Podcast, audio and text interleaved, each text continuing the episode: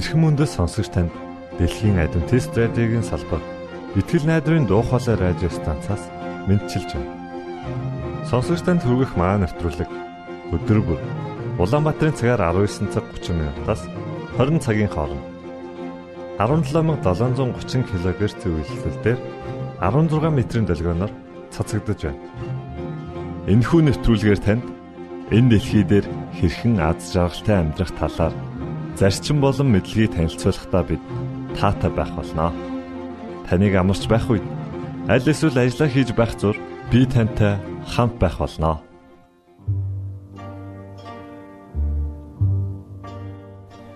Энэ удаагийн нэвтрүүлгээ бид Silent Night хэмээх дуугаар эхлүүлж байна. Харин үүний дараа X үзлэл нэвтрүүлгийн цуврал дугаарыг хүлээн авч сонсноо. Ингээд хөгжмөдөө ойртон сууно. Thank you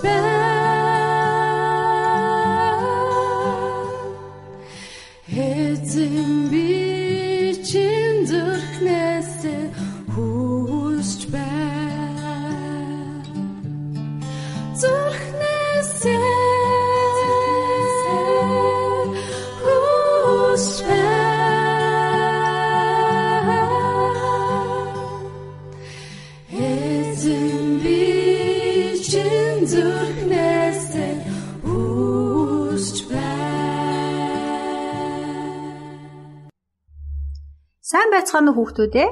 Өнөөдрийн бидний сонсох түүх бол тусгай оройн зог. Өнөөдрийн бидний цээжлэх ишлэл Иохан номын 13:1. Тэр тэднийг эцэст нь хүртэл хайрлав.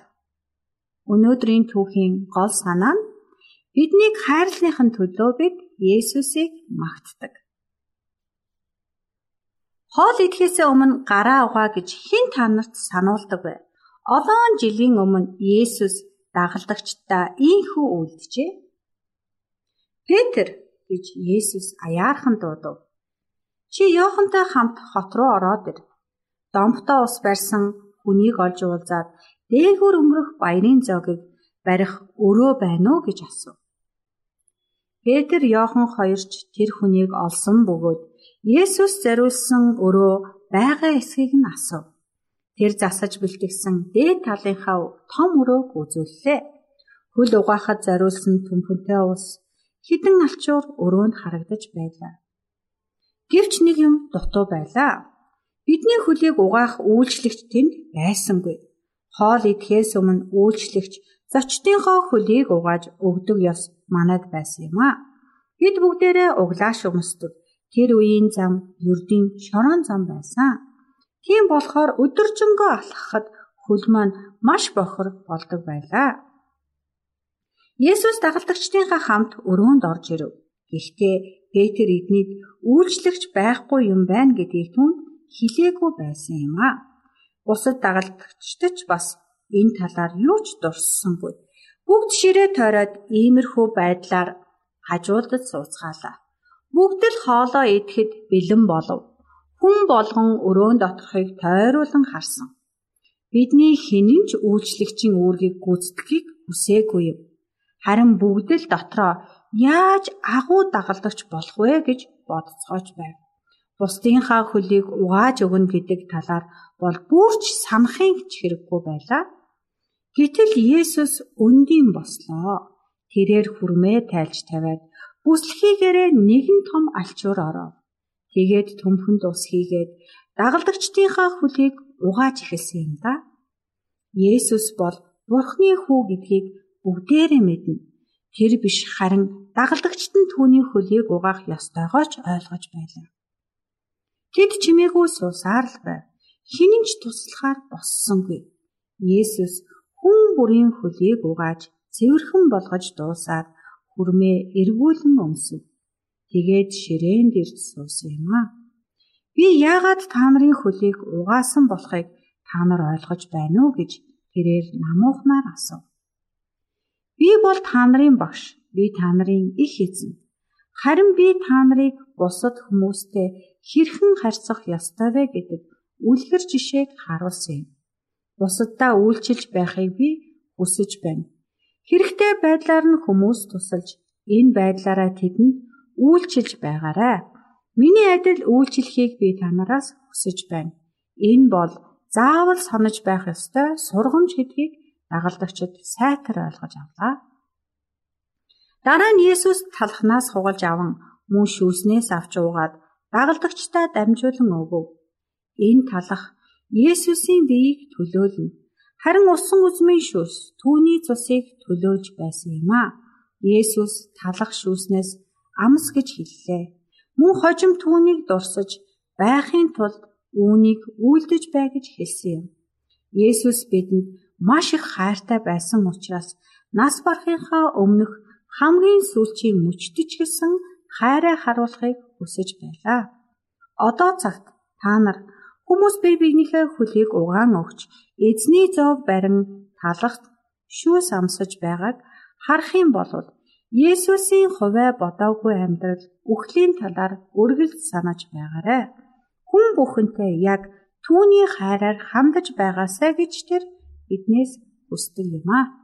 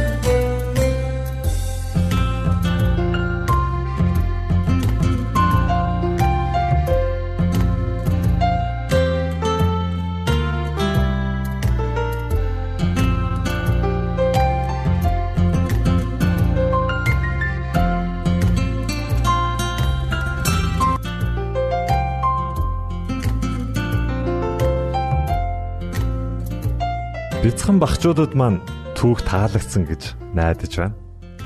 Ингээд та дараагийн нэвтрүүлгээ хүлээн авч сонсноо.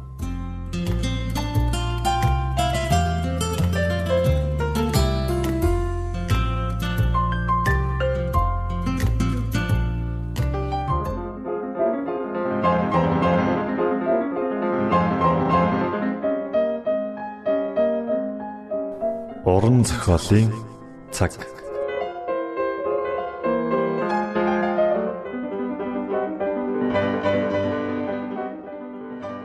Нүгэлт хүнд аврагч хэрэгтэй. 2 дугаар бүлэг. Хүнийг анх бүтээхэд тэрээр ариун сайхан чанартай, төв төлөв оюун ухаантай байв. Хүн төгс төгөлдөр бүтээл байсан бөгөөд бурхантай өв зүйтэй амьдарч байлаа. Түүний бодол санаа нь цэвэр ариун хүсэл эрмэлзэл нь гэгэн сарвал авэ.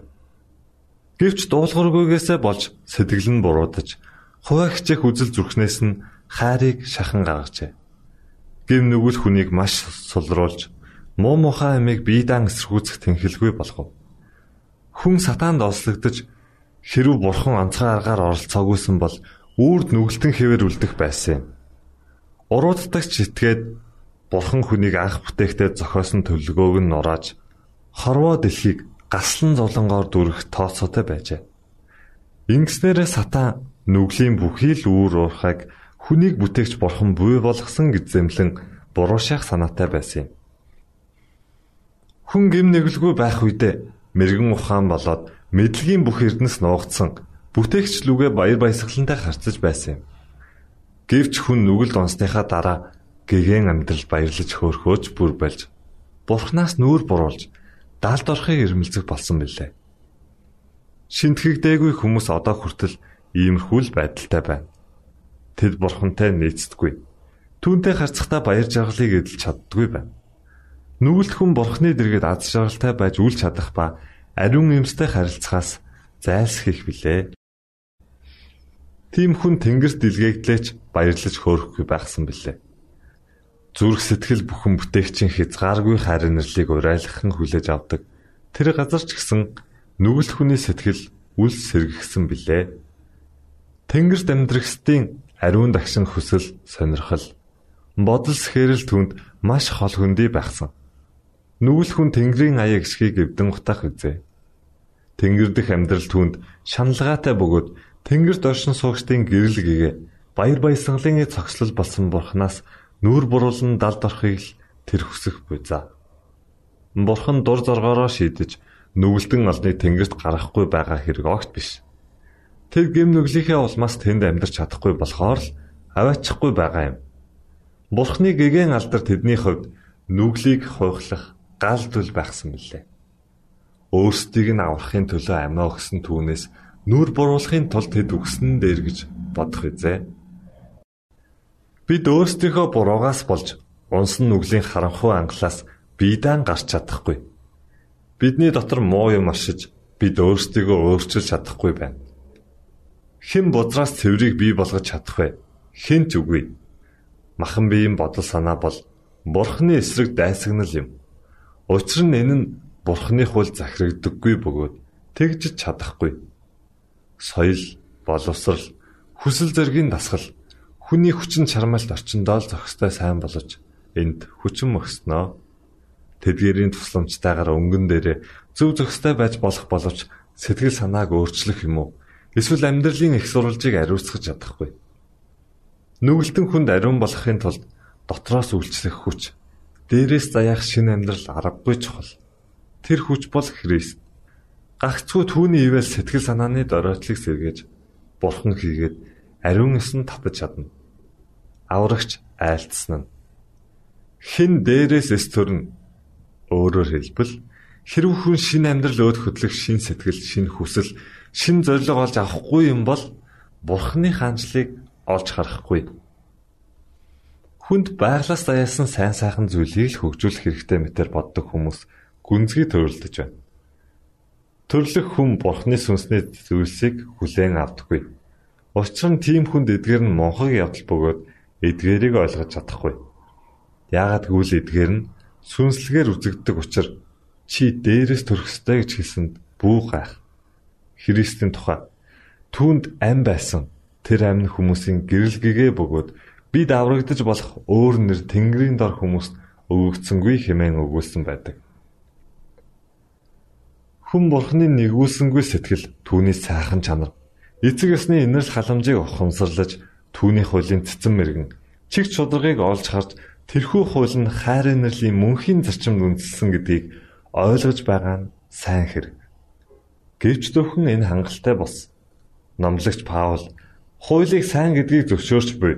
Хууль бол ариун бөгөөд тушаалч ариун, зөвхт бөгөөд сайн юм хэмээн дуу алдахдаа тэр бүхнийг мэдэж байсан юм. Чингэхдээ тэр сэтгэл өвтгөн гасалж цөхрөн байж харин би махан биетэй бөгөөд нүглийн болцлолд худалдагдсан гэж нэмж хэлжээ. Тэр өөрийн хүчээр хүртэж чадахгүй ариун явдал. Зөвхт ёсыг туйлаас ирмэлзэн би юутай хөрхилтэй хүн бэ? Хэн намайг үхлийн энэ биеэс ангижруулах вэ гэж халаглан асуусан юм. Ийм харуулсал цөхрөл нүгэл хилэнцэд дарагсан сэтгэл зүрхний угаас гардаг бөгөөд газар сайгүй цаг үргэлж сонсогдсоор иржээ. Тэр бүхэнд ертөнцийн нүглийг үүрэгч бурхны хургийг харах тун гэсэн ганц л хариулт буй. Бурхны сүнс гимбурынхаа дарамтаас чөлөөлөгдөхийг ирмэлзэгч хүмүүс энэ үннийг таниулахын тулд олон тооны дүр зургийг ашигладаг. Исавыг хуураад нүгэл үлдэж эцгийнхээ гэрээс зүхтахдаа Яаков гин бурууга ухамсарлаад урууцралчихсан байсан билээ. Ганцаардмал гэр оронгүй.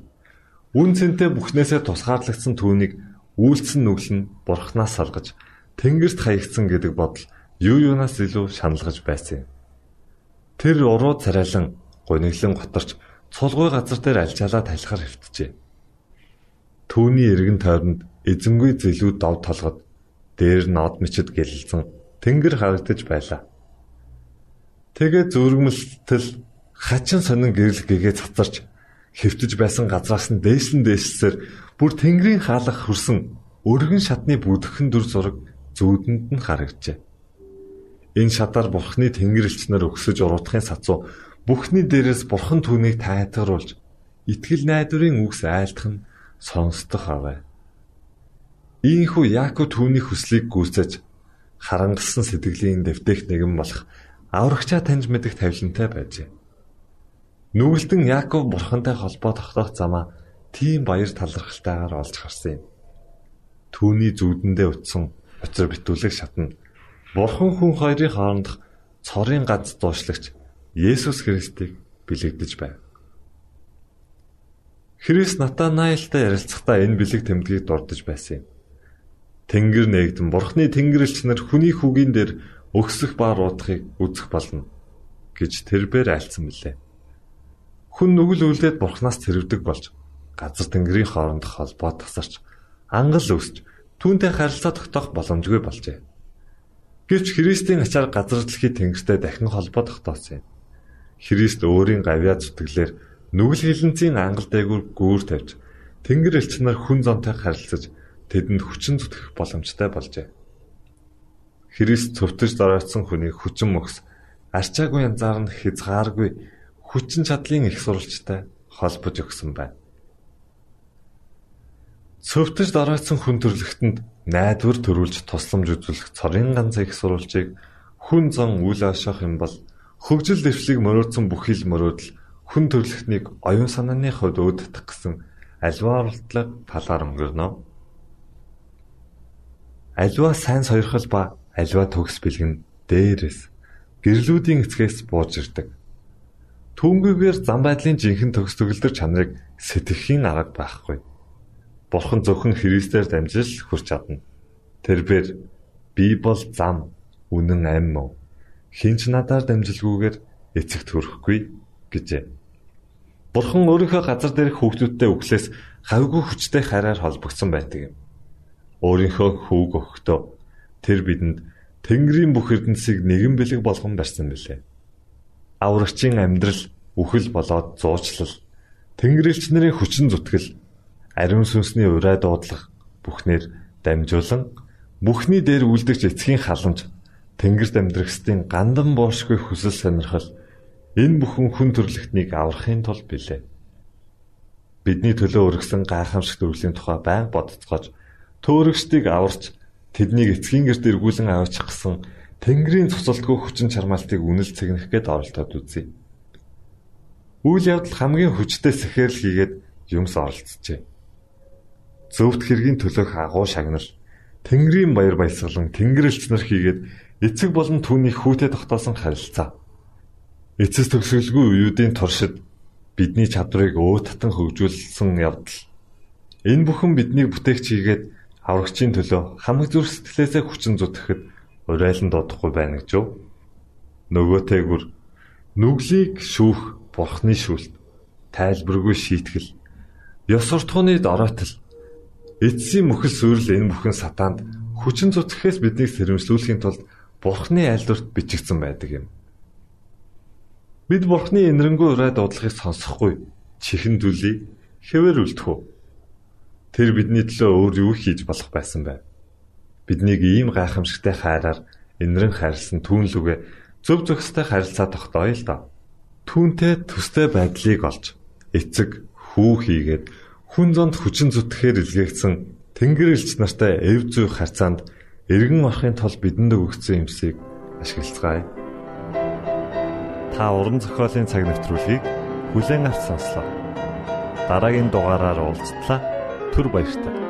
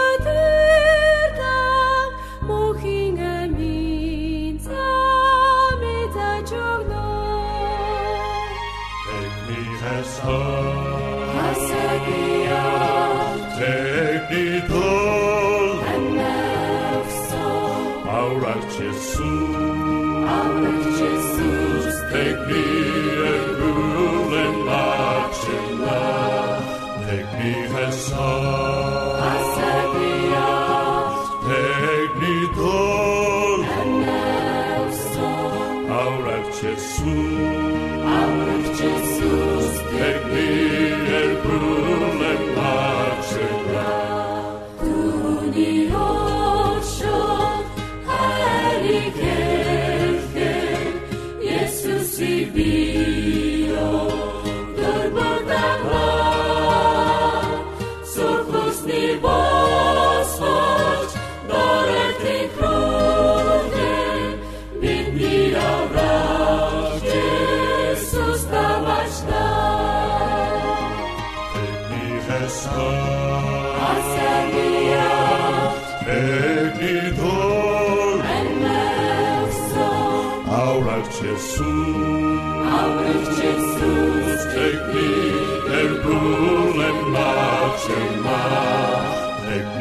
Jesus,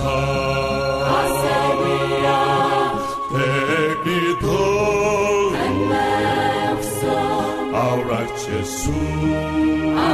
Jesus, take me and rule and and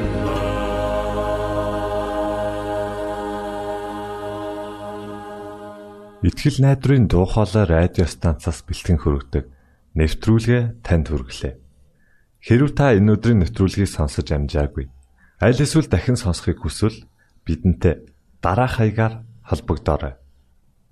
Facebook хаяг: Satiin үсгээр Монгол заавад AWR Имэйл хаяг: mongol.awr @gmail.com Манай утасны дугаар 976 7018 24 9 Шуудангийн хаяг 16 Улаанбаатар 13 Монгол улс. Биднийг сонгонд цаг зав аваад зориулсан танд баярлалаа.